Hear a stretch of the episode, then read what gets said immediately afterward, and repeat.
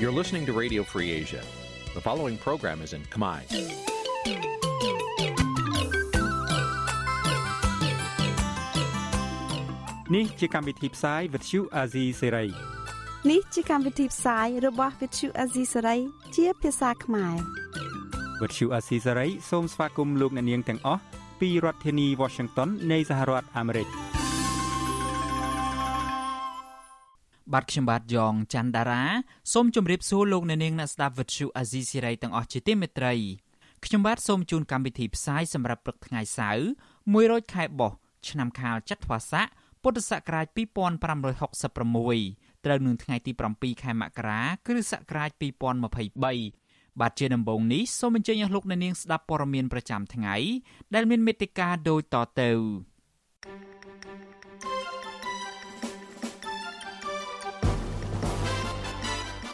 តុលាការឃុំខ្លួនជំទប់ទី2គណៈបកភ្លើងទៀនម្នាក់ដោយចោទរឿងកាប់ព្រៃឈើសង្គមស៊ីវិលទទូចដល់លោកហ៊ុនសែនដោះលែងអ្នកទោសមនសិការទាំងអស់នៅថ្ងៃ7មករាសង្គមស៊ីវិលថាការប្រកាសទ្រព្យសម្បត្តិរបស់មន្ត្រីរាជការមិនអាចលុបបំបាត់អំពើពុករលួយបានឡើយ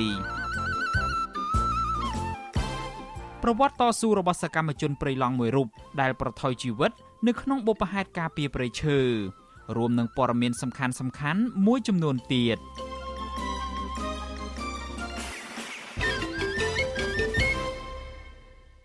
បាទជាបន្តទៅទៀតនេះខ្ញុំបាទយ៉ងច័ន្ទដារាសូមជូនព័ត៌មានទាំងនេះពឺស្ដាតុលាការខេត្តកំពង់ស្ពឺ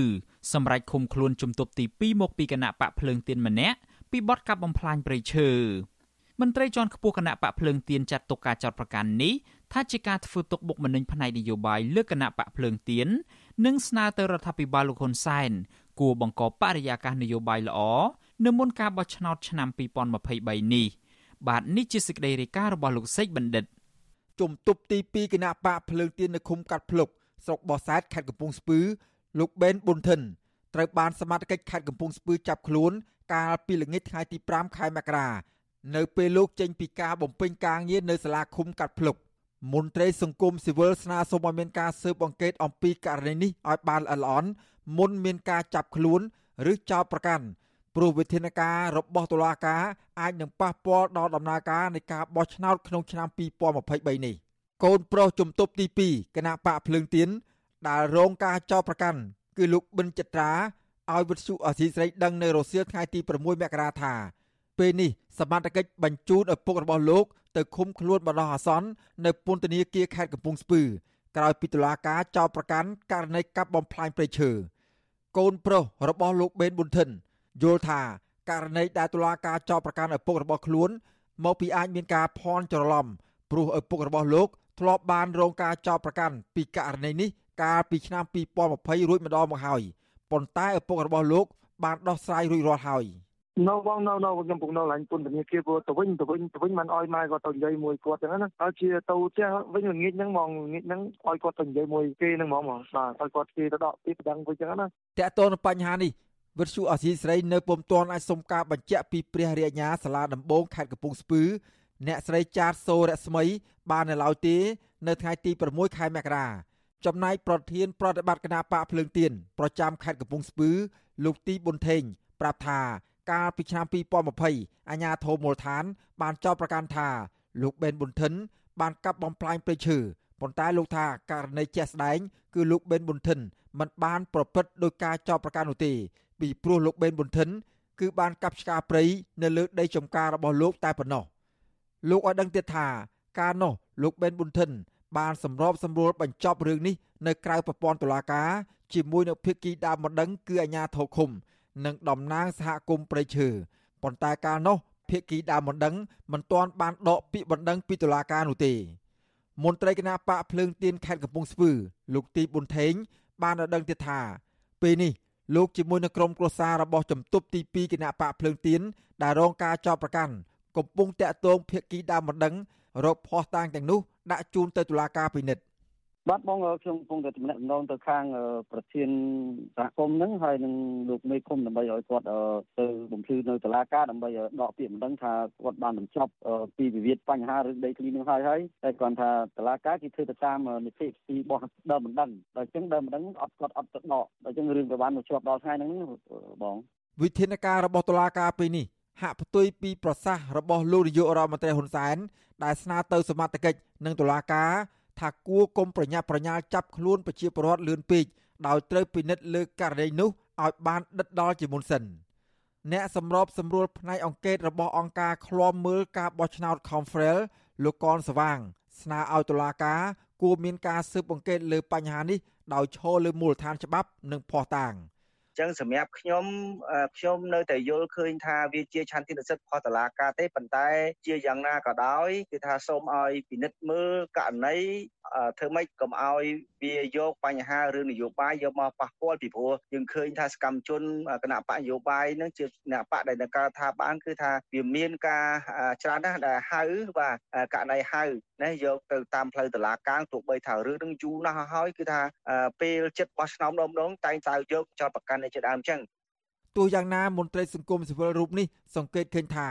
សកម្មជននយោបាយដែលមកពីគណៈបកប្រឆាំងតែងតែរងគ្រោះជាញឹកញាប់ដោយប្រព័ន្ធតុលាការតកតទៅនឹងរឿងនេះអនុប្រធាននឹងជាអ្នកនាំពាក្យគណៈបកភ្លើងទៀនលោកថៃសេថាបរំថា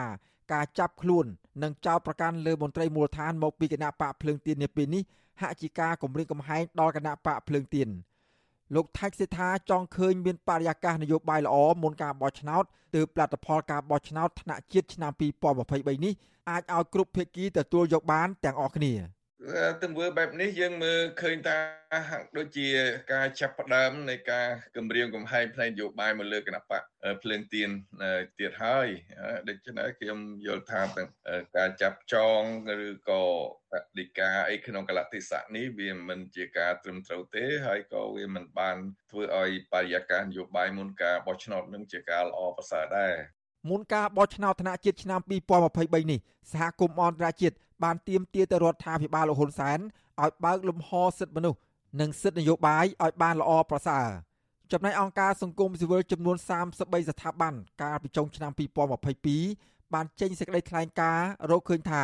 កងកម្លាំងប្រដាប់អាវុធនិងមន្ត្រីតុលាការដែលជាមន្ត្រីរបស់គណៈបកនយោបាយពួកគេបានយកមុខងារឬតួនាទីរបស់ខ្លួនក្នុងស្ថាប័នរដ្ឋ ធ្វើទុកបុកម្នេញលើគណៈបកដៃគូប្រកួតប្រជែងរបស់ខ្លួន ទាំងមុនពេលបោះឆ្នោត និងអំឡុងពេលបោះឆ្នោត និងក្រោយពេលបោះឆ្នោតខ្ញុំបាទសេកបណ្ឌិតវិទ្យុអាស៊ីសេរីពីរដ្ឋធានីវ៉ាស៊ីនតោនអាស៊ីសេរីបាទលោកនាងជាទីមេត្រីអតីតអ្នកជំនួញនិងជាអ្នកជំនាញសេដ្ឋកិច្ចដ៏ល្បីឈ្មោះមួយរូបបានហក់ចូលធ្វើនយោបាយជាមួយគណៈបកប្រឆាំងកាលពីពេលថ្មីៗនេះលោកបណ្ឌិតសុកហាជ បានហក់ចូលធ្វើនយោបាយជាមួយគណៈបកភ្លើងទៀននេះគឺនៅស្របពេលស្ថានភាពនយោបាយកំពុងតែរឹតបន្តឹងសិទ្ធិសេរីភាពនៅឡើយទោះបីជាយ៉ាងនេះក្តីលោកបណ្ឌិតសុកហាជមានសុទិដ្ឋិនិយមថាគណៈបកភ្លើងទៀនអាចនឹងទទួលបានជ័យជំនះនៅក្នុងការបោះឆ្នោតនៅពេលខាងមុខនៅទន្ទឹមគ្នានេះលោកបណ្ឌិតសុកហាជក៏ព្រួយបារម្ភខ្លះដែរខ្លាចលោកនាយករដ្ឋមន្ត្រីហ៊ុនសែនធ្វើទុកបុកម្នេញលើគណៈបកភ្លើងទៀន ក៏ប៉ុន្តែលោកមានជំនឿថាលោកហ៊ុនសែននឹងមិនធ្វើបាបគណៈបកភ្លើងទៀនដោយធ្វើបាបគណៈបកសង្គ្រោះជាតិទៀតទេពីព្រោះថាលោកហ៊ុនសែនឥឡូវនេះប្រៀបបានទៅនឹងពស់ដែលកំពុងតែសក់ដូចនេះដែរបាទលោកអ្នកនាងនឹងបានស្ដាប់បទសម្ភាសន៍អំពីរឿងនេះនៅពេលបន្តិចទៀតនេះ។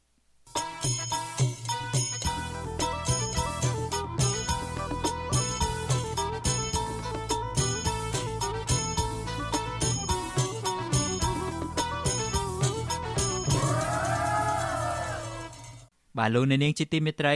វេទិកាប្រជាពលរដ្ឋដែលមានទីតាំងនៅសហរដ្ឋអាមេរិកអំពាវនាវដល់លោកហ៊ុនសែនឲ្យដោះលែងអ្នកទោសមនសិការទាំងអស់ឲ្យមានសេរីភាពវិញដើម្បីផ្សះផ្សាជាតិនៅថ្ងៃរំលឹកខួបជ័យជំនះ7មករាមន្ត្រីអង្គការសង្គមស៊ីវិលគាំទ្រចំពោះការអំពាវនាវនេះនិងស្នើសុំឲ្យរដ្ឋាភិបាលធានាឲ្យមានការបោះឆ្នោតដោយត្រឹមត្រូវនិងសេរីយុត្តិធម៌ក្នុងឆ្នាំ2023នេះដើម្បីលើកកម្ពស់មុខមាត់រដ្ឋាភិបាលកម្ពុជាឡើងវិញ បាទអ្នកស្រីម៉ៅសុធានីរាយការណ៍អំពីរឿងនេះវេទិកាបរដ្ឋអំពីនីវឲ្យលោកនាយករដ្ឋមន្ត្រីហ៊ុនសែនដោះលែងសកម្មជនមនសិការទាំងអស់និងផ្សះផ្សាជាតិដើម្បីបញ្ជាក់ថាលោកហ៊ុនសែនពឹងប្រទេសវៀតណាមផ្ដួលរំលំរបបប៉ុលពត គឺពិតជាមានចេតនាចង់ជួយប្រជាពលរដ្ឋពិតប្រាកដ ប្រធានវេទិកាបរដ្ឋលោកកឹមសុខបានរំលឹកដល់លោកនាយករដ្ឋមន្ត្រីហ៊ុនសែនថាថ្នាក់ដឹកនាំជាតិគឺជាអ្នកបម្រើប្រជាពលរដ្ឋដូចនេះលោកហ៊ុនសែនត្រូវមានការភ្ញាក់រលឹកងាកមកផ្លូវផ្សះផ្សាជាតិវិញ ដើម្បីបន្សល់កេរ្តិ៍ឈ្មោះល្អនៅក្នុងប្រវត្តិសាស្ត្រ ជុំវិញរឿងនេះអ្នកនាំពាក្យគណៈបកប្រជាជនកម្ពុជាលោកសុកអេសានប្រាប់បច្ចុប្បន្នសិស្រីថារដ្ឋាភិបាល មិនចាំបាច់មានការផ្សះផ្សាជាតិដើម្បីមានកេរ្តិ៍ឈ្មោះល្អនៅក្នុងប្រវត្តិសាស្ត្រនោះឡើយពីព្រោះថាការដឹកនាំរបស់លោកហ៊ុនសែនមានការអភិវឌ្ឍប្រកបដោយសន្តិភាពរួចទៅហើយលោកបន្ថែមថាការលើកលែងទោសឲ្យបុគ្គលណាម្នាក់គឺលុះត្រាតែបុគ្គលនោះត្រូវបានកាត់ទោសពីស្ថាប័នតុលាការរួចហើយតែប៉ុណ្ណោះ វាមិនមែនជាការដោះលែងមានឈ្មោះល្អទេព្រោះសម្ដេចក៏ដូចជាគណៈបកប្រជាជនកម្ពុជា មានឈ្មោះល្អតាំងពី79មកអញ្ចឹងខ្ញុំយល់ថាគួរទុកឲ្យរាជរដ្ឋាភិបាលលោកធ្វើតាមគោលការណ៍របស់រាជរដ្ឋាភិបាលទៅផ្ទុយពីការលើកឡើងនេះប្រធានសមាគមការពារសិទ្ធិមនុស្សអាត់ហុកលោកនេះសុខាគាំទ្រចំពោះការអំពាវនាវនេះដើម្បីផ្សះផ្សារវាងអ្នកនយោបាយខ្មែរនិងលើកកម្ពស់លទ្ធិប្រជាធិបតេយ្យ លោកបន្ថែមថារដ្ឋាភិបាលក៏ត្រូវលើកកម្ពស់ការគោរពសិទ្ធិមនុស្សតាមរយៈការបញ្ឈប់ការគំរាមកំហែងលើសកម្មជននយោបាយដែលមាននានាការផ្ទុយពីរដ្ឋាភិបាល និងសកម្មជនការងារសង្គមផ្សេងផ្សេងទៀតដើម្បីទទួលបានការអនុគ្រោះពន្ធពីបណ្ដាប្រទេសប្រជាធិបតេយ្យ លោកនីសុខាបន្ថែមថារដ្ឋាភិបាលក៏ត្រូវតែធានាឲ្យមានការបោះឆ្នោតសកលនៅឆ្នាំ2023នេះប្រកបដោយសេរីត្រឹមត្រូវនិងយុត្តិធម៌ដើម្បីលើកកម្ពស់មុខមាត់របស់រដ្ឋាភិបាលនៅលើឆាកអន្តរជាតិឡើងវិញដែរ ការអំពាវនាវហ្នឹងគឺមិនមែនជារឿងអីដែលខុសគ្នាអំពីគំនិតដែលខាងអង្គការសង្គមស៊ីវិលយើងធ្លាប់បានស្នើទៅរដ្ឋាភិបាលទេពីព្រោះអ្នកដែលត្រូវបានគេចាប់ខ្លួនទាំងអស់ហ្នឹងគឺមិនមែនជារឿងនៃការអនុវត្តច្បាប់ទេគឺជារឿងវាបង្កឡើងអំពីហេតុផលនៃចំនួននយោបាយដូច្នេះប្រទេសកម្ពុជាយើងគឺជាប្រទេសដែលប្រកាន់នៅប្រជាធិបតេយ្យសេរីពហុបកដូច្នេះការមានទស្សនៈប្រឆាំងការមានទស្សនៈផ្ទុយនេះមិនមែនជាអំពើខុសច្បាប់ទេ អ្នកនាំពាក្យគណៈបកប្រជាជនកម្ពុជាលោកសុកអេសានប្រាប់វិទ្យុស៊ីស្រីថាការប្រ rup ទិវាជ័យជំនះ7មករានេះក៏នឹងមានវត្តមានលោកនាយករដ្ឋមន្ត្រីហ៊ុនសែននិងសមាជិកគណៈបករាប់ម៉ឺននាក់ចូលរួមដើម្បីរំលឹកគុណដល់គណៈបកប្រជាជនកម្ពុជា និងប្រទេសវៀតណាមដែលបានជួយប្រជាប្រដ្ឋកម្ពុជាពីរបបប្រល័យពូជសាសន៍ ទោះយ៉ាងណាអ្នកជំនាញផ្នែកវិទ្យាសាស្ត្រនយោបាយយល់ថាវៀតណាមចង់គ្រប់គ្រងកម្ពុជាទៅវិញទេពីព្រោះនៅពេលដែលកងទ័ពវៀតណាមបានចូលមករំដោះកម្ពុជារួចហើយពួកគេមិនដកទ័ពទៅវិញនោះឡើយរហូតដល់មានការប្រមានពីសហគមន៍អន្តរជាតិទៅវៀតណាមយល់ព្រមដកទ័ពចេញពីកម្ពុជា។ អ្នកជំនាញផ្នែកវិទ្យាសាស្ត្រនយោបាយរូបនេះថាបើវៀតណាមពិតជាលើកទ័ពមកជួយកម្ពុជាមែននោះមិនមែនវៀតណាមចាប់មេដឹកនាំតស៊ូខ្មែរគឺលោកប៉ែនសវណ្ណយកទៅដាក់ឃុំនៅប្រទេសវៀតណាមនោះឡើយគិតមកដល់ថ្ងៃនេះសកម្មជននយោបាយដែលមាននិន្នាការផ្ទុយពីរដ្ឋាភិបាល សកម្មជនការងារសង្គមនិងបរិស្ថានជាង60នាក់ហើយកំពុងជាប់ឃុំដោយអយុត្តិធម៌ក្រុមអ្នកវិភាគនយោបាយតែងតែលើកឡើងថាប៉ះសិនបលោកហ៊ុនសែន នៅតែមិនបើកលំហប្រជាធិបតេយ្យនិងការគោរពសិទ្ធិមនុស្សនៅមុនការបោះឆ្នោតក្នុងឆ្នាំ2023នេះទេនោះប្រជាប្រដ្ឋនឹងកាន់តែប្រឈមបញ្ហាជីវភាពដោយសារតែការដាក់ទណ្ឌកម្មសេដ្ឋកិច្ចបន្ថែមពីបណ្ដាប្រទេសប្រជាធិបតេយ្យហើយរដ្ឋាភិបាលកម្ពុជានឹងកាន់តែបាក់មុខមាត់ថែមទៀតនៅលើឆាកអន្តរជាតិចាននាងខ្ញុំម៉ៃសុធានីវັດឈូអាស៊ីស្រី ប្រធានាធិបតី Washington បាទលោកនាងជាទីមេត្រីពាក់ព័ន្ធទៅនឹងរឿងវិវាទការងារនៅក្រុមហ៊ុន Casino NagaWorld ឯនេះវិញក្រុមកោតក្រ NagaWorld បន្តធ្វើកោតកម្មកាលពីថ្ងៃទី6ខែមករាម្សិលមិញនៅខាងមុខក្រុមហ៊ុន Casino NagaWorld ដើម្បីស្វែងរកដំណោះស្រាយនិងទាមទារឲ្យដោះលែងតំណាងសហជីពរបស់ពួកគាត់គឺកញ្ញាឈឹមស៊ីធតំណាងកោតក្រម្នាក់គឺកញ្ញាម៉ែនសុធីវឌ្ឍនៈនិយាយថាពួកគាត់ចេញមកទាមទារនេះគឺចង់ឲ្យក្រសួងការងារនិងអាជ្ញាធរពាក់ព័ន្ធ ជួយអន្តរាគមន៍បញ្ចប់វិវាទការងារមួយនេះនិងទម្លាក់ចោលបទចោទប្រកាន់ដើម្បីឲ្យពួកគាត់ទទួលបានភាពយុត្តិធម៌ឡើងវិញជាមួយគ្នានេះកញ្ញាបន្តរៀបរាប់ទាំងទឹកមុខក្រៀមក្រំថាឆ្នាំ2023នេះគឺត្រូវបោះឆ្នោតជ្រើសតាំងតំណាងរាស្ត្រហេតុដូច្នេះតំណាងរាស្ត្រគួរតែយកចិត្តទុកដាក់ដោះស្រាយបញ្ហានេះពីព្រោះពួកគាត់ក៏ជាម្ចាស់ឆ្នោតដែរក្រុមគឧតកោ Nagawal បានចេញតវ៉ាអស់រយៈពេលជាង1ឆ្នាំមកហើយក៏ប៉ុន្តែពួកគាត់ មិនត្រឹមតែមិនទទួលបានដំណោះស្រាយនោះទេថែមទាំងទទួលរងនូវភាពអយុត្តិធម៌ការគំរាមកំហែងការប្រើហិង្សា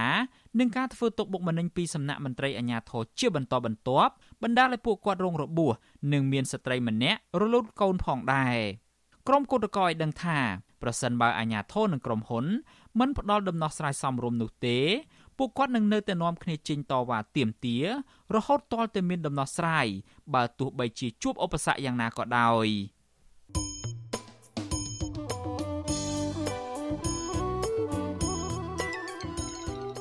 លោកអ្នកនាងជាទីមេត្រី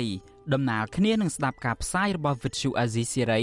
នៅតាមបណ្ដាញសង្គម Facebook និង YouTube លោកអ្នកនាងក៏អាចស្ដាប់ការផ្សាយរបស់យើងតាម Vuthu រលក ធាតុអាកាសខ្លីបានដែរ ពេលព្រឹកចាប់ពីម៉ោង5កន្លះដល់ម៉ោង6កន្លះតាមរយៈប៉ុស SW 9.39 MHz ស្មើនឹងកម្ពស់ 32m និងប៉ុស SW 11.85 MHz ស្មើនឹងកម្ពស់ 25m ពេលយប់ចាប់ពីម៉ោង7កន្លះដល់ម៉ោង8កន្លះតាមរយៈប៉ុស SW 9.39 MHz ស្មើនឹងកម្ពស់ 32m ប៉ុស SW 11.88 MHz ស្មើនឹងកម្ពស់ 25m និងប៉ុស SW 15.15 MHz ស្មើនឹងកម្ពស់ 20m បាទសូមអរគុណ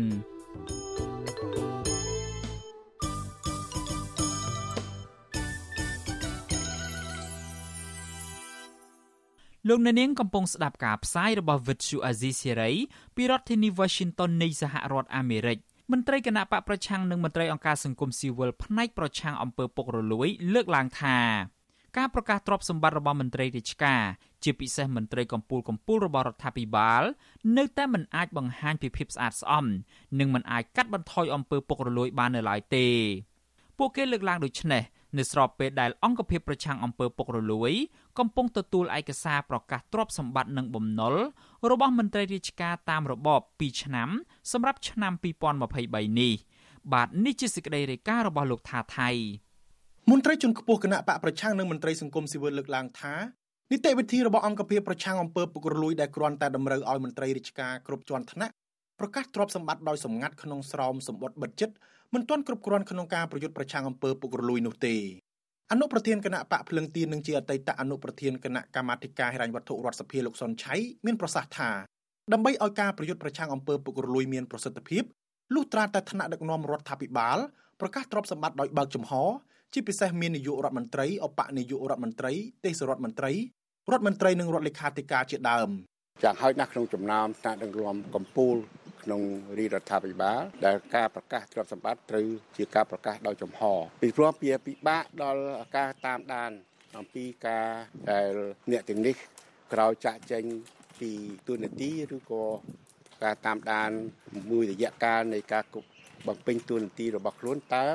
មានការប្រែប្រួលចំពោះទ្រព្យសម្បត្តិប៉ុណ្ណាហើយនឹងគឺថាมันអាចពឹងតែស្ថាប័នឬក៏យន្តការរបស់រដ្ឋាភិបាលនៃអង្គភាពប្រឆាំង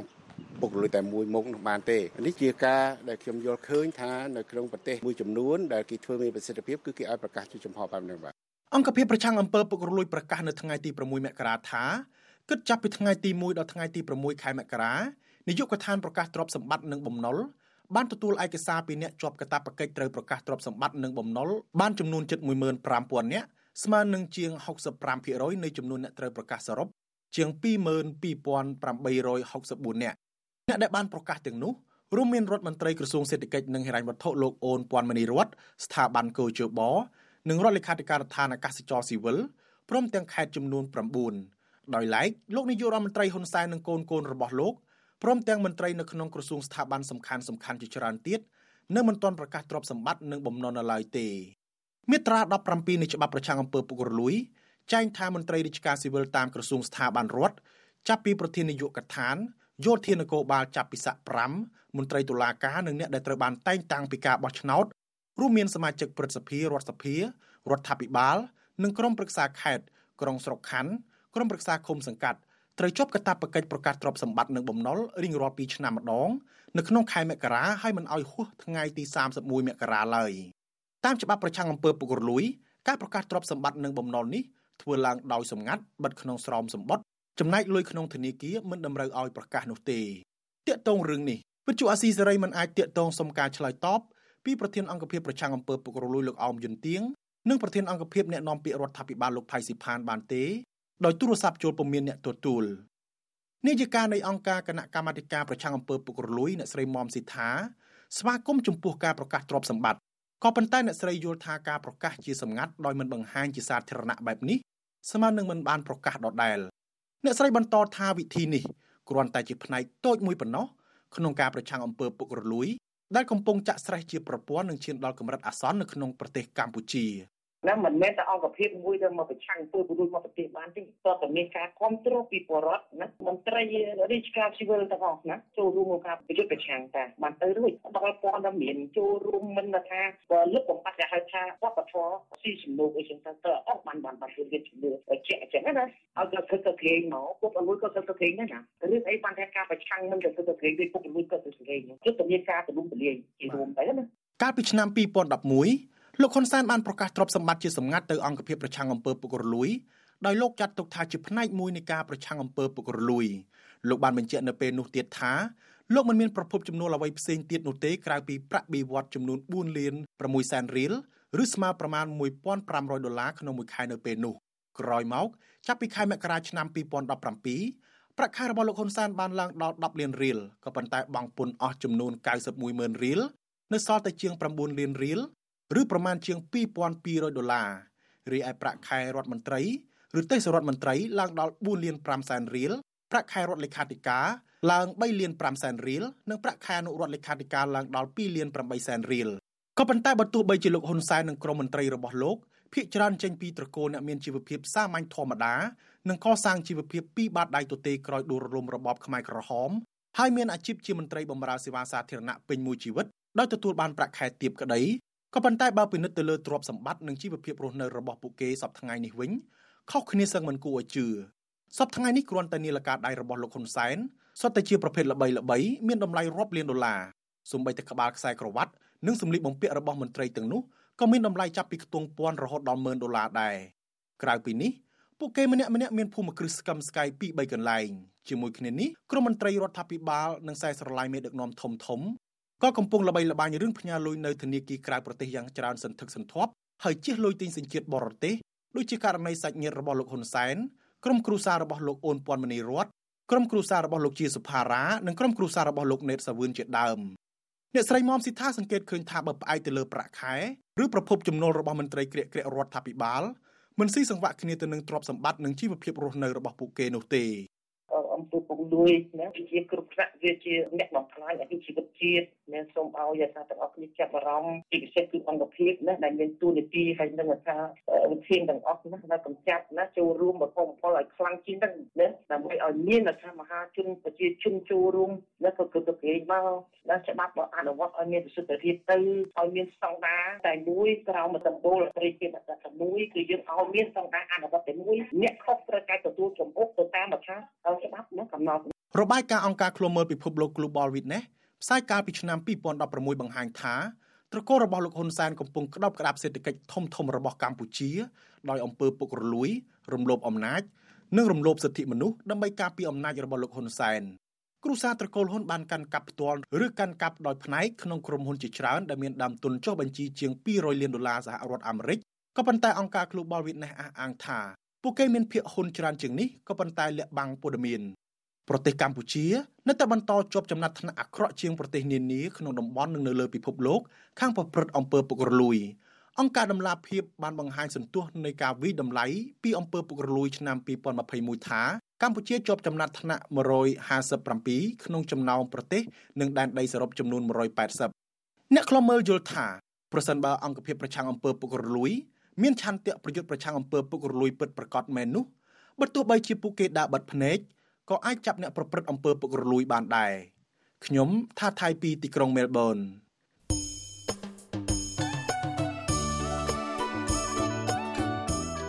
លោកអ្នកនាងជាទីមេត្រីក្រៅពីការតាមដានកម្មវិធីផ្សាយរបស់ Vuthu Azizi Serai នៅតាមបណ្ដាញសង្គម Facebook YouTube និង Telegram លោកអ្នកនាងក៏អាចតាមដានកម្មវិធីផ្សាយរបស់យើង នៅតាមរយៈបណ្ដាញ Instagram បានដែរ តាមរយៈតំណ link ដែលមានអាសយដ្ឋាន www.instagram.com/rfa ខ្មែរអាស៊ីសេរីបន្តខិតខំផ្សព្វផ្សាយព័ត៌មានពិតទៅកាន់បងប្អូនតាមរយៈបណ្ដាញសង្គមផ្សេងផ្សេងនិងសម្បូរបែបដើម្បីឲ្យលោកអ្នកនាងងាយស្រួលតាមដានកម្មវិធីផ្សាយរបស់អាស៊ីសេរីគ្រប់ពេលវេលា និងគ្រប់ទីកន្លែងតាមរយៈទូរស័ព្ទរបស់លោកអ្នកនាង បាទសូមអរគុណ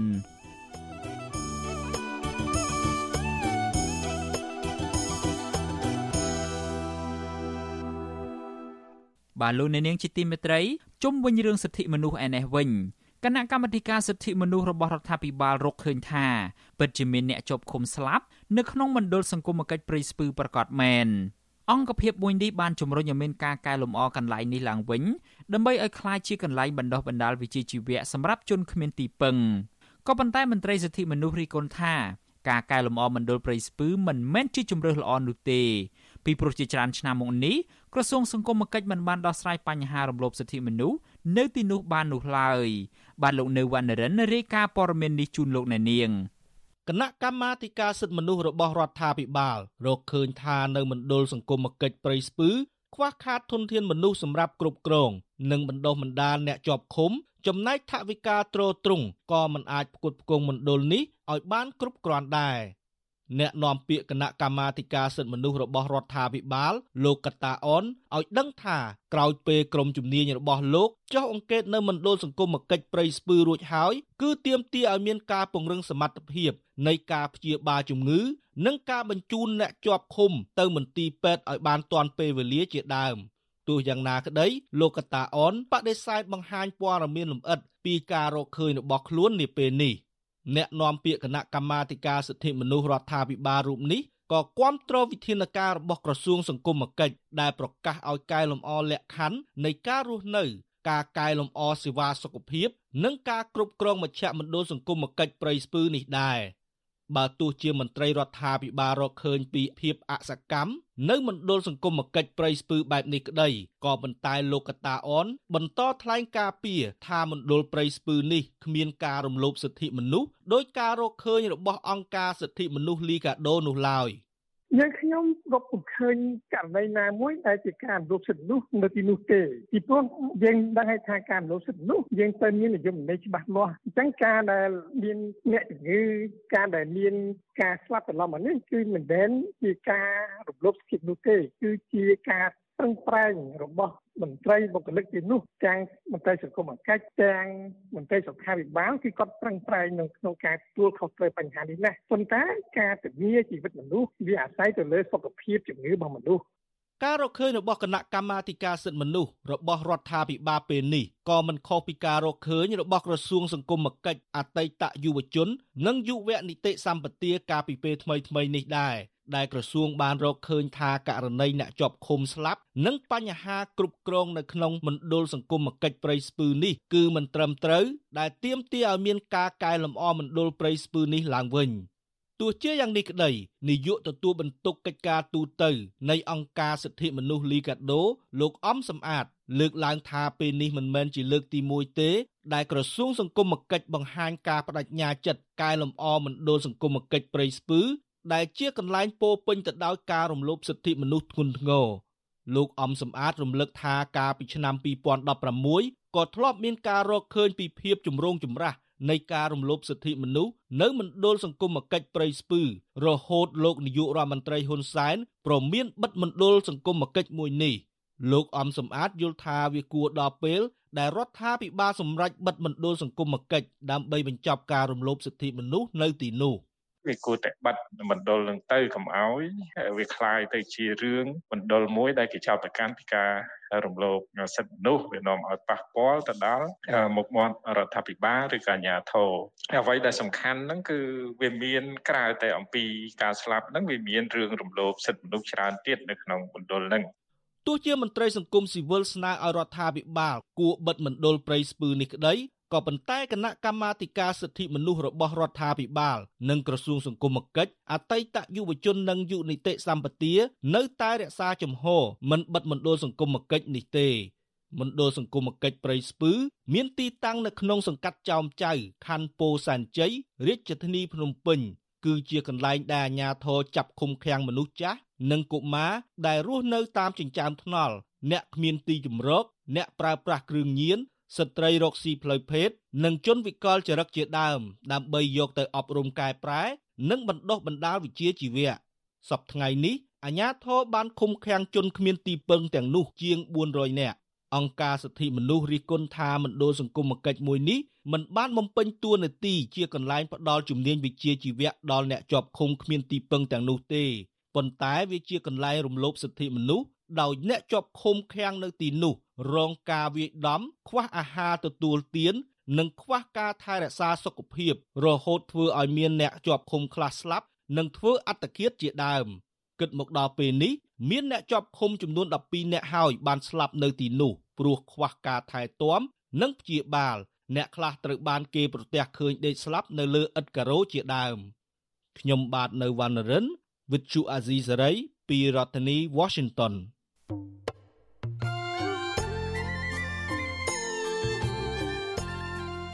លោកអ្នកនាងជាទីមេត្រី នៅក្នុងឱកាសនេះដែរខ្ញុំបាទសូមថ្លែងអំណរគុណដល់លោកអ្នកនាងកញ្ញាទាំងអស់ដែលតែងតែមានភក្ដីភាពចំពោះការផ្សាយរបស់យើងហើយចាត់ទុកការស្ដាប់វិទ្យុអាស៊ីសេរីគឺជាផ្នែកមួយនៃសកម្មភាពប្រចាំថ្ងៃរបស់លោកអ្នកនាងគឺការគ្រប់គ្រងរបស់លោកអ្នកនាងនេះហើយដែលធ្វើឲ្យយើងខ្ញុំមានទឹកចិត្តកាន់តែខ្លាំងក្លាថែមទៀត នៅក្នុងការស្វែងរកនិងផ្តល់ព័ត៌មានជូនលោកអ្នកនាង មានអ្នកស្ដាប់អ្នកទស្សនាកាន់តែច្រើនកាន់តែធ្វើឲ្យយើងខ្ញុំមានភាពស្វាហាប់មោះមុតជាបន្តទៅទៀតយើងខ្ញុំសូមអរគុណទុកជាមុនហើយសូមអញ្ជើញលោកអ្នកនាងកញ្ញាទាំងអស់ចូលរួមជំរុញឲ្យសកម្មភាពផ្តល់ព័ត៌មានយើងនេះកាន់តែជោគជ័យបន្ថែមទៀតលោកអ្នកនាងអាចជួយយើងខ្ញុំបានដោយគ្រាន់តែចុចចែករំលែកឬមួយក៏ Share ការផ្សាយរបស់យើង នៅលើបណ្ដាញសង្គម Facebook និង YouTube ទៅកាន់មិត្តភ័ក្តិ ដើម្បីឲ្យការផ្សាយរបស់យើងបានទៅដល់មនុស្សកាន់តែច្រើន បាទសូមអរគុណ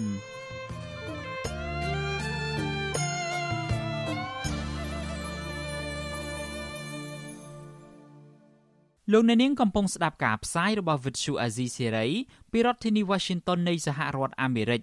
រដ្ឋបាលខេត្តកណ្ដាលជួបណែនាំម្ចាស់អាជីវកម្មទូកដទាំងអស់ដែលកំពុងធ្វើអាជីវកម្មនៅក្នុងខេត្តកណ្ដាលឲ្យយល់ដឹងអំពីស្តង់ដារអាជីវកម្មទូកដ ដើម្បីជៀសវាងមានហានិភ័យទៅដល់អ្នកធ្វើដំណើរតទៅទៀតជំនួបរវាងម្ចាស់អាជីវកម្មទូកដនិងរដ្ឋបាលខេត្តកណ្ដាលនេះធ្វើឡើងកាលពីថ្ងៃទី5ខែមករានៅក្នុងសាលប្រជុំនៃសាលាខេត្តកណ្ដាលរដ្ឋបាលខេត្តកណ្ដាលបានដាក់ចេញនូវគោលការណ៍តឹងរឹងឲ្យម្ចាស់អាជីវកម្មទាំងអស់ត្រូវតែគោរពលក្ខខណ្ឌបើពុំនោះទេក្នុងករណីមានហេតុការណ៍បង្កឲ្យមានមនុស្សស្លាប់ទៀតនោះនឹងត្រូវរងបណ្ដឹងអាជ្ញាហើយសងសំណងទៅដល់ជនរងគ្រោះផងដែរ លើសពីនេះអាជីវកម្មនឹងត្រូវបិទភ្លាមភ្លាមបើមិនគោរពទៅតាមគោលការណ៍ណែនាំនេះការចេញគោលការណ៍ណែនាំរបស់អាជ្ញាធរនេះគឺក្រោយពេលដែលមានសោកនាដកម្មលេខទូកបណ្ដាលឲ្យសិស្សសាលាចំនួន11នាក់បានស្លាប់កាលពីថ្ងៃទី13ខែតុលាឆ្នាំ2022នៅភូមិកោះចម្រើនឃុំកំពង់ភ្នំស្រុកលើកដែកខេត្តកណ្ដាល។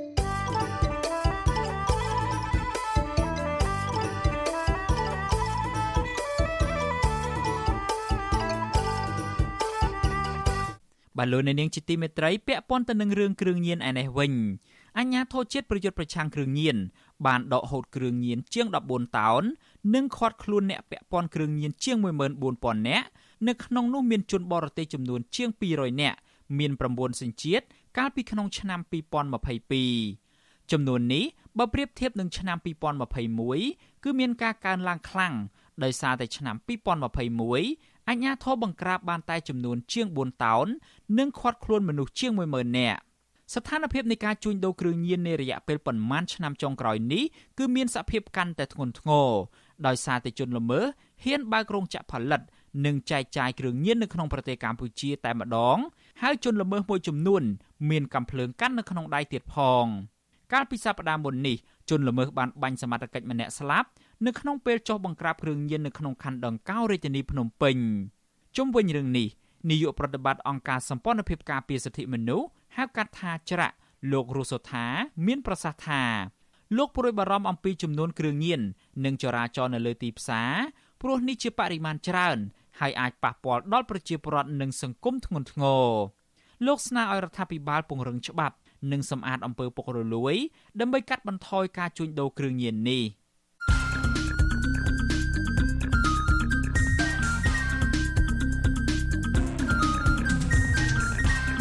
បទសំភារ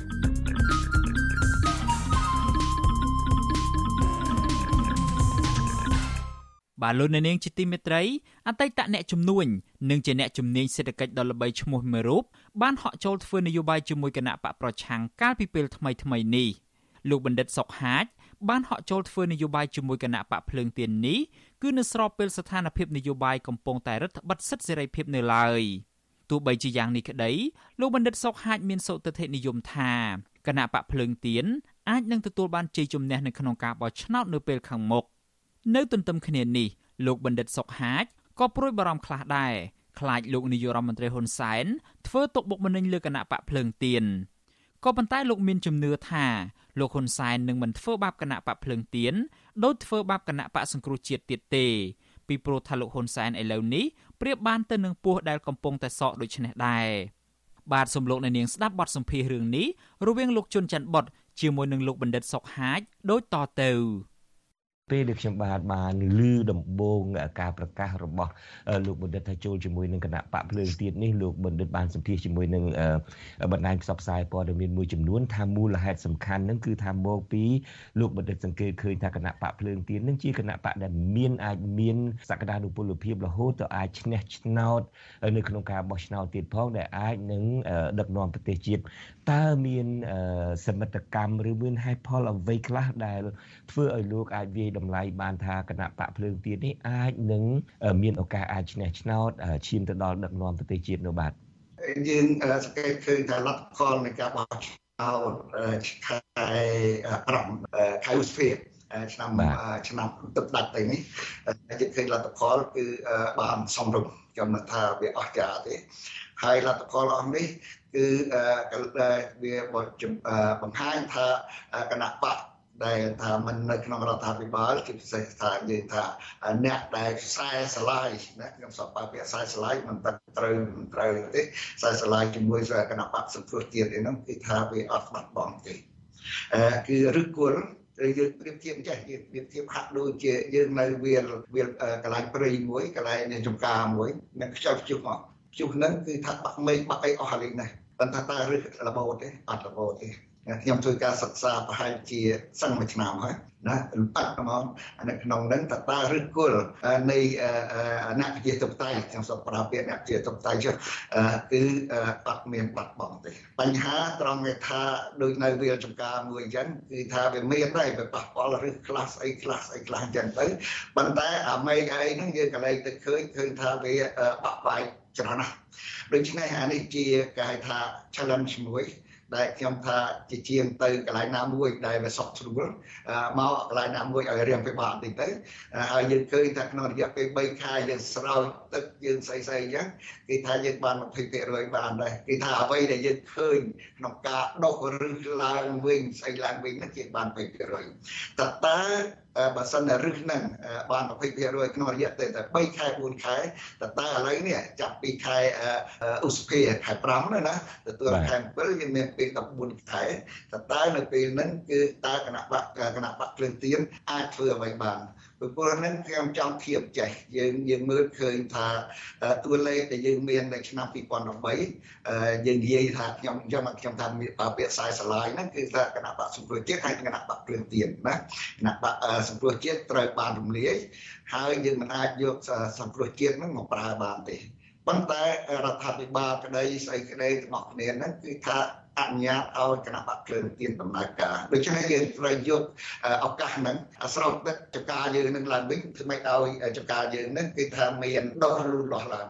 ហើយនៅក្នុងនេះហើយដែលខ្ញុំឃើញថានៅឆ្នាំ2013អ្នកអភិធិបតេយ្យចុះខ្ញុំសូមប្រើពាក្យហ្នឹងចុះគឺបានជា43%ខ្ទង់43%បបបផើយនឹងគណៈបកកណ្ដាលដែរណាគាត់មិនបានលើកពី50%អត់ក្រោម50%ដោយ43%បើសិនខ្ញុំមិនច្រឡំទេណាដូច្នេះកម្លេតបន្តិចណា4%ទេ ដល់ទៅ2017តែ2017ខេត្តមួយចំនួនខ្ញុំសូមមិននិយាយព្រោះខ្ញុំមិនសូវចាំដែរគឺថាដែលគ្រប់គ្រងនៅមូលដ្ឋានដោយគណៈបកកណ្ណាក៏ត្រូវបាត់បង់អំណាចដែរ ណាហើយយើងដឹងហើយដូច្នេះចាំបានខ្ញុំមិនចង់រំលឹករឿងព្រឹត្តិការណ៍នៅខែនៅឆ្នាំ2017ទេយើងវាគណៈបក្សសង្គ្រោះជាតិត្រូវរំលាយដូច្នេះអញ្ចឹងបានថាអ្វីដែលមានរបស់គណៈបកភ្លឹងទៀនខ្ញុំជឿថាជាគេដំណែលណារបស់គណៈបកសង្គ្រោះជាតិក៏សង្គ្រោះជាតិចាញ់បានទៀត ណាចេញបានទេប៉ុន្តែនិយាយម្ដងទៀតទៅច្បាប់ទម្លាប់ផ្សេងៗទាំងអស់គឺអនុញ្ញាតឲ្យព្រឹងទៀនចេញណាបណ្ណាយើងអាចថាចេះថាចុះទៅប៉ុន្តែវាដូចតែគ្នានេះតែគ្នាទេក្នុងក្នុងអារម្មណ៍ខ្ញុំដូច្នេះបើសិនជាយើងយកតួលេខ2013បូកនឹងសន្ទុះ2017ជាទ្រឹស្ដី ខ្ញុំនិយាយជាទ្រឹស្ដីព្រោះយើងអនុវត្តអត់តាមអត់បានទេគឺ2018ជាទ្រឹស្ដីគឺគណៈបក្សសង្គ្រោះជាតិជំនាន់នោះនឹងអាចបង្កើតរដ្ឋាភិបាលបានយើងមានគេហៅថាសម្លេងហ្នឹងគឺលើស50%ណាធៀបនឹងគឺថាសម្លេងលេខ1យើងនិយាយណាហើយសម្លេងលេខ1នៅស្រុកយើងគឺធ្វើឲ្យយើងហ្នឹងគឺអាចបង្កើតរដ្ឋាភិបាលបានតើតើគណៈបកភ្លើងទៀន អាចស្នងរាជគេថាស្នងគេតំណែងនឹងបានអត់ខ្ញុំជឿថាបានប៉ុន្តែត្រូវរៀបចំទុកពេលវេលាខ្លះណាតើតើពេលវេលាប្រហែលខែទៀតនេះគ្រប់គ្រាន់អត់ដើម្បីឲ្យបង្កើតរដ្ឋាភិបាលបានខ្ញុំមិនប្រកាសទេប៉ុន្តែมันมันมันมันมันគេហៅថាมันថាมันកើត100%ទេប៉ុន្តែពិបាក ប៉ុន្តែបើត្រឹម40 50អីណាខ្ញុំជឿថាទៅបានណាហើយនៅឆ្នាំ2000 23ខ្ញុំជឿថាបើសិនជាគ្មានបញ្ហាដូចឆ្នាំ2017ឬ18ទេគណៈបកភ្លើងទៀនបង្កើតរដ្ឋាភិបាលយ៉ាងស្រួល អរគុណការបកស្រាយរបស់លោកបណ្ឌិតនេះលោកបណ្ឌិតខ្ញុំបាទបានសួរលោកបណ្ឌិតថាតើមានសមត្ថកម្មអីខ្លះមានហេតុផលអីខ្លះដែលលោកបណ្ឌិតគិតថាគណៈបកភ្លើងទៀននេះអាចនឹងមានវាសនាឈ្នះឆ្នោតរហូតដល់ឈានទៅដល់ការដឹកនាំប្រទេសជាតិនេះជាសង្ខេបឡើងវិញលោកបណ្ឌិតបានប្រៀបធៀបថាគណៈបកភ្លើងទៀននេះហាក់ដូចជាដើមឈើមួយដើមដែលមែកធៀងហ្នឹងវាមានការបាក់មានការខ្យល់វាយខ្យល់ព្យុះអីទៅវាបាក់ភេកមែកធៀងអីបន្តិចតួចក៏ប៉ុន្តែឫសគល់ឫសកែវហ្នឹងគឺនៅរឹងមាំដដែលបើត្រូវការពេលវេលាគ្រាន់តែចាក់ទឹកស្រោចទឹកថែរក្សាទៅអាចដុះលូតលាស់ឡើងវិញនេះគឺជាការប្រៀបធៀបទៅនឹងដើមឈើក៏ប៉ុន្តែបើចំពោះតួលេខជាក់ស្ដែងវិញលោកបានសង្កេតឃើញថាមានការកើនឡើងនៃចំនួនអ្នកចូលរួមឯបោះឆ្នោតជាដើមមកដល់ត្រឹមនេះនៅពេលដែលលោកបណ្ឌិតមើលឃើញថាគណៈបកភ្លើងទៀននេះអាចមានលទ្ធភាពក្នុងការប្រកួតប្រជែងជាមួយគណៈបកប្រជាជនកម្ពុជានឹងប្រធានគណៈបកប្រជាជនកម្ពុជាផ្ទាល់គឺលោកនាយករដ្ឋមន្ត្រីហ៊ុនសែននឹងក៏មើលឃើញស្តៀងនឹងដែរហើយលោកក៏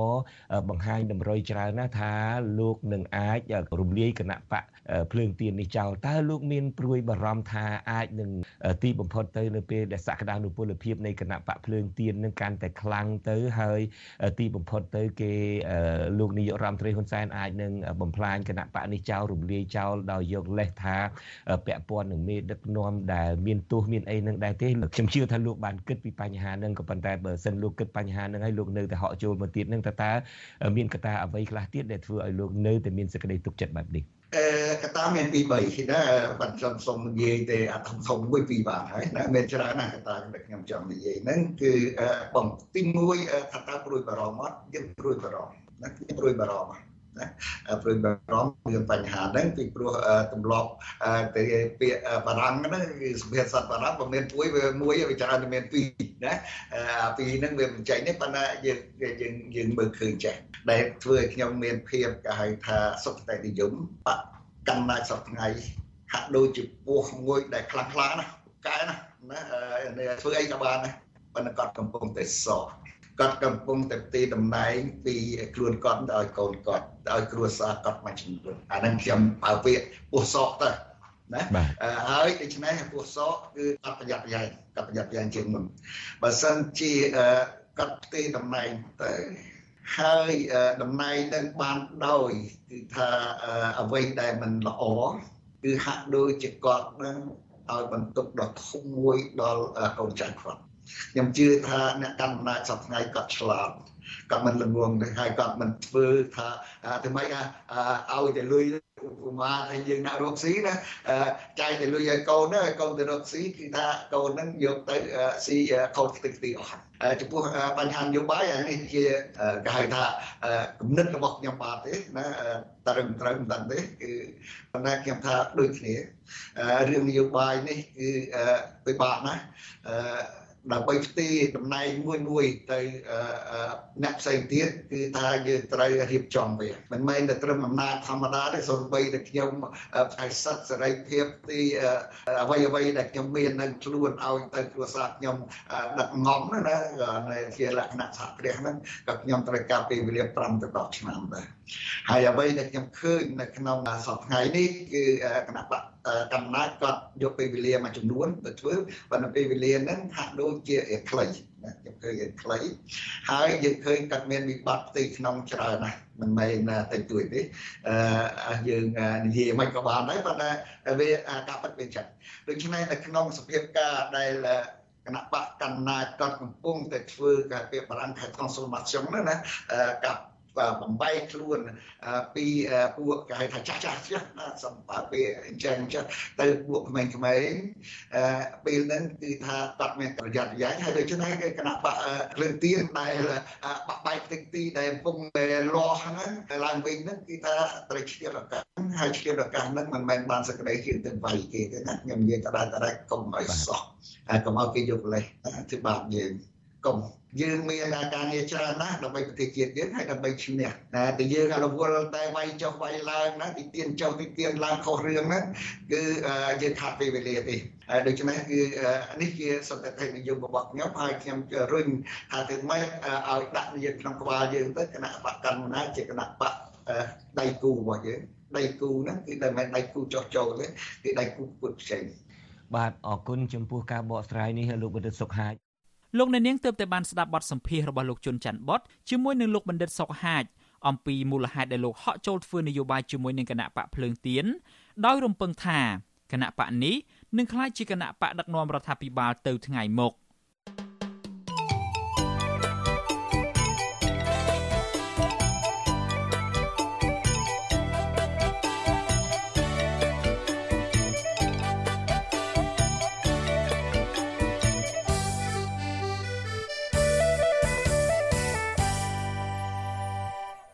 លោកអ្នកនាងកំពុងស្ដាប់ការផ្សាយរបស់ Vuthu Azizi Serai ពីរដ្ឋធានី Washington នៃសហរដ្ឋអាមេរិកការចូលរួមចំណែកការពារព្រៃឈើនៅកម្ពុជា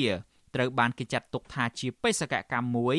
ងាយបង្កគ្រោះថ្នាក់ដល់អាយុជីវិតឬក៏ងាយប្រឈមទៅនឹងផ្លូវច្បាប់ក៏ប៉ុន្តែមនុស្សមួយចំនួននៅតែស្ម័គ្រចិត្តហ៊ានយកជីវិតរបស់ពួកគាត់ទៅផ្សារភ្ជាប់ទៅនឹងបេសកកម្មដ៏គ្រោះថ្នាក់មួយនេះដើម្បីការពារព្រៃឈើដែលកំពុងប្រឈមនឹងការកាប់បំផ្លាញ។ បាទនៅក្នុងចំណោមអ្នកហ៊ានយកជីវិតទៅការពារព្រៃឈើនោះមានសកម្មជនការពារព្រៃឈើម្នាក់នៅឯខេត្តកំពង់ធំ គឺលោកហ៊ឿនសុភីបតើលោកហ៊ុនសុភីបមានប្រវត្តិបែបណានិងបានធ្វើកិច្ចការងារអ្វីខ្លះដើម្បីការពារប្រយោជន៍ព្រៃឈើកម្ពុជានោះបាទសូមលោកអ្នកនាងស្ដាប់សេចក្តីរាយការណ៍ពិស្ដារអំពីរឿងនេះរបស់លោកលេងម៉ាលីដូចតទៅអ្នកសម្របសម្រួលបណ្ដាញព្រៃឡង់ខេត្តកំពង់ធំ លោកហ៊ឿនសុភីបបានចូលរួមការពារព្រៃឈើអស់រយៈពេលជាង13ឆ្នាំហើយ ចាប់តាំងពីលោកធ្លាប់បានចូលរួមល្បាតព្រៃដំបងជាមួយនឹងសកម្មជនព្រៃឈើដ៏លេចធ្លោមួយរូបគឺលោកឈុតវុធី កាលពីឆ្នាំ2006ក្រោយពីលោកឈុតវុធីត្រូវបានឃាតករបាញ់សម្លាប់នៅឆ្នាំ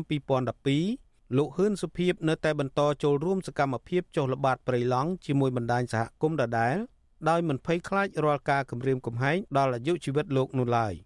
អ្នកការពារព្រៃឈើរូបនេះឲ្យដឹងថា ជីវិតរបស់លោកបានបូជាដើម្បីការពារធនធានធម្មជាតិដោយឆន្ទៈពិតប្រាកដដើម្បីរក្សានៅព្រៃឈើឲ្យបានគង់វង្សលុបបំបាត់អំពើពុករលួយ ដែលចេញពីអ្នកមានលុយមានអំណាចនិងការផ្ដល់នូវយុត្តិធម៌ដល់ប្រជាពលរដ្ឋស្លូតត្រង់ដែលកំពុងរងការរំលោភសិទ្ធិសេរីភាព និងការធ្វើទុកបុកម្នេញជាបន្តបន្ទាប់ ចំពោះខ្ញុំផ្ទាល់គឺឆាកជីវិតរបស់ខ្ញុំគឺខ្ញុំបានដាក់ជីវិតខ្ញុំនៅក្នុងការការពារធនធានធម្មជាតិហើយខ្ញុំមិនបោះបង់ចោលទេទោះបីជារឿងមានរឿងប៉ុណ្ណាក៏ដោយទោះបីជាមានរឿងប្រឈមយ៉ាងណាក៏ខ្ញុំមិនបោះបង់ដែរព្រោះការងារខ្ញុំគឺខ្ញុំបាន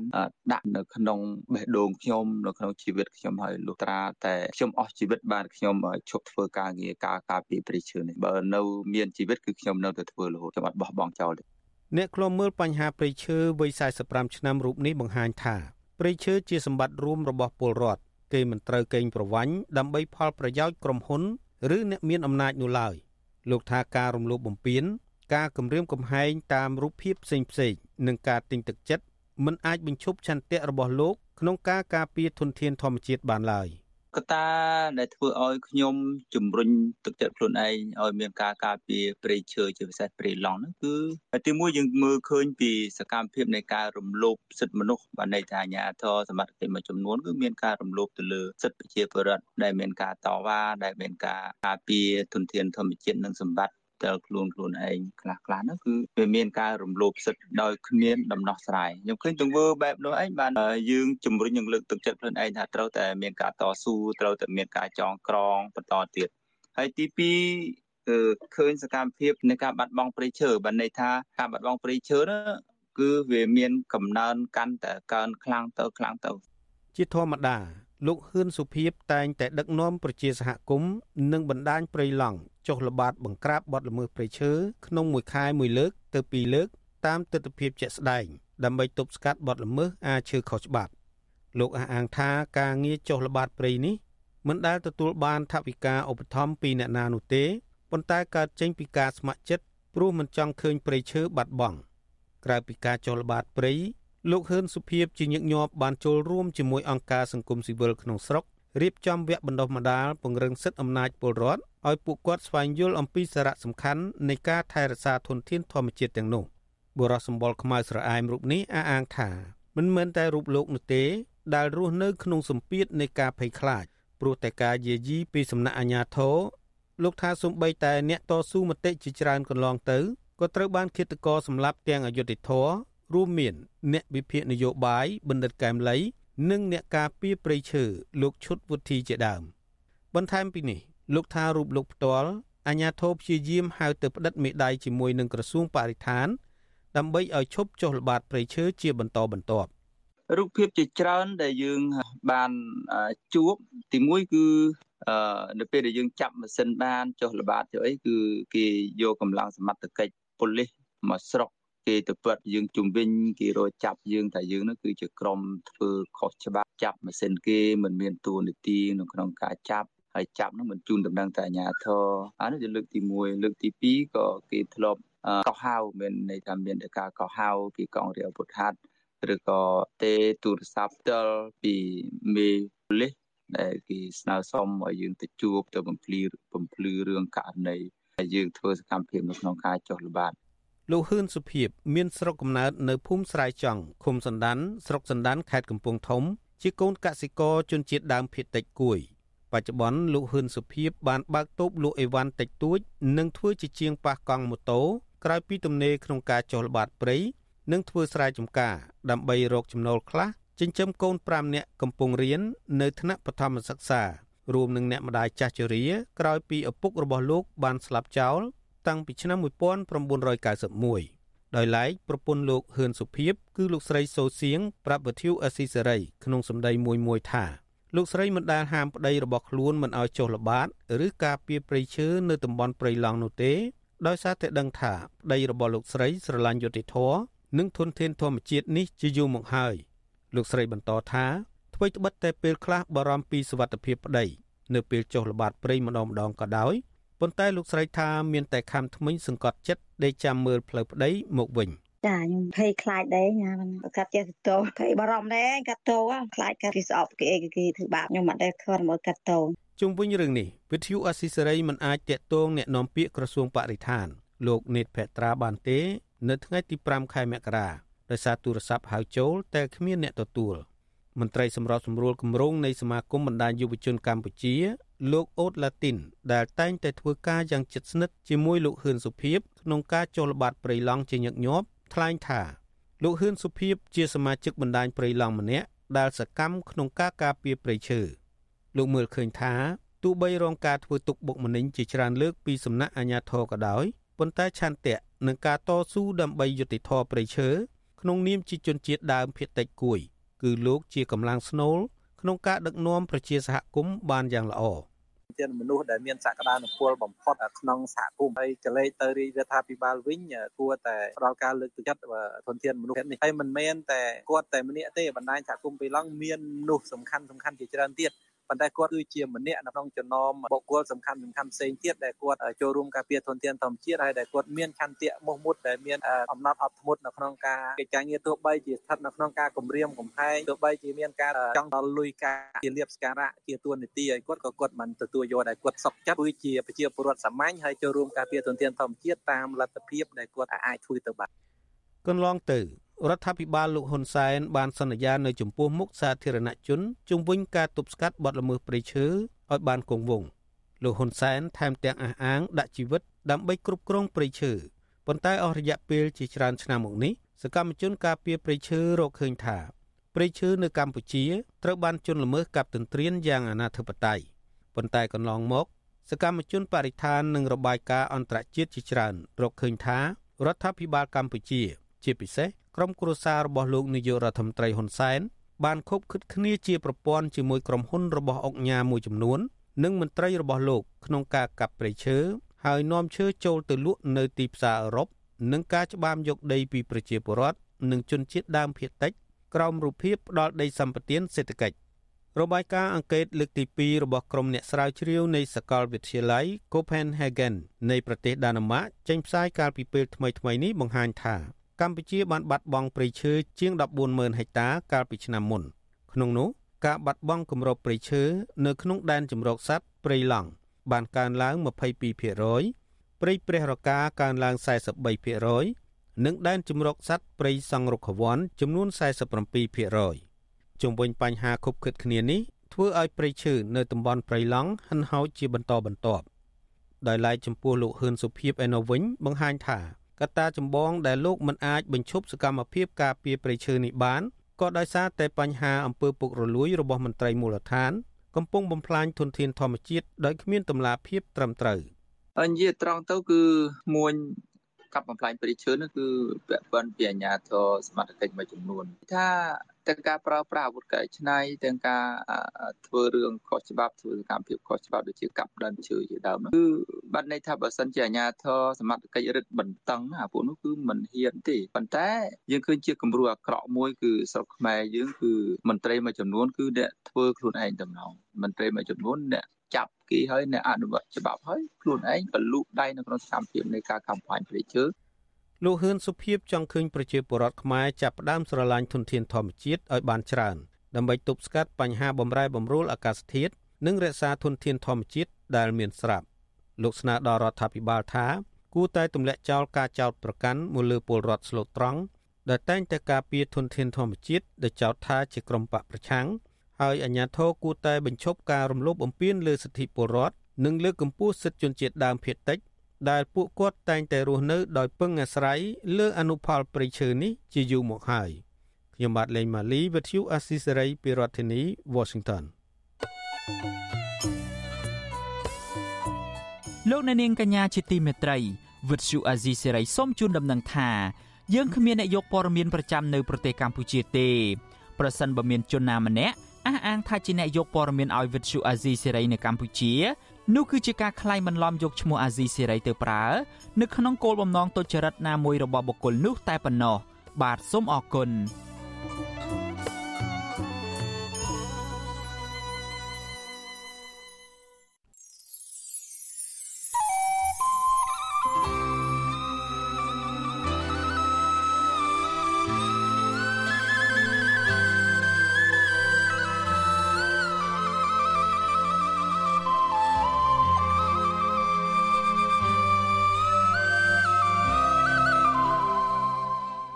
លោកអ្នកនាងជាទីមេត្រីការផ្សាយរយៈពេល1ម៉ោងរបស់វិទ្យុអាស៊ីសេរីនៅព្រឹកនេះចប់ត្រឹមតែប៉ុណ្ណេះ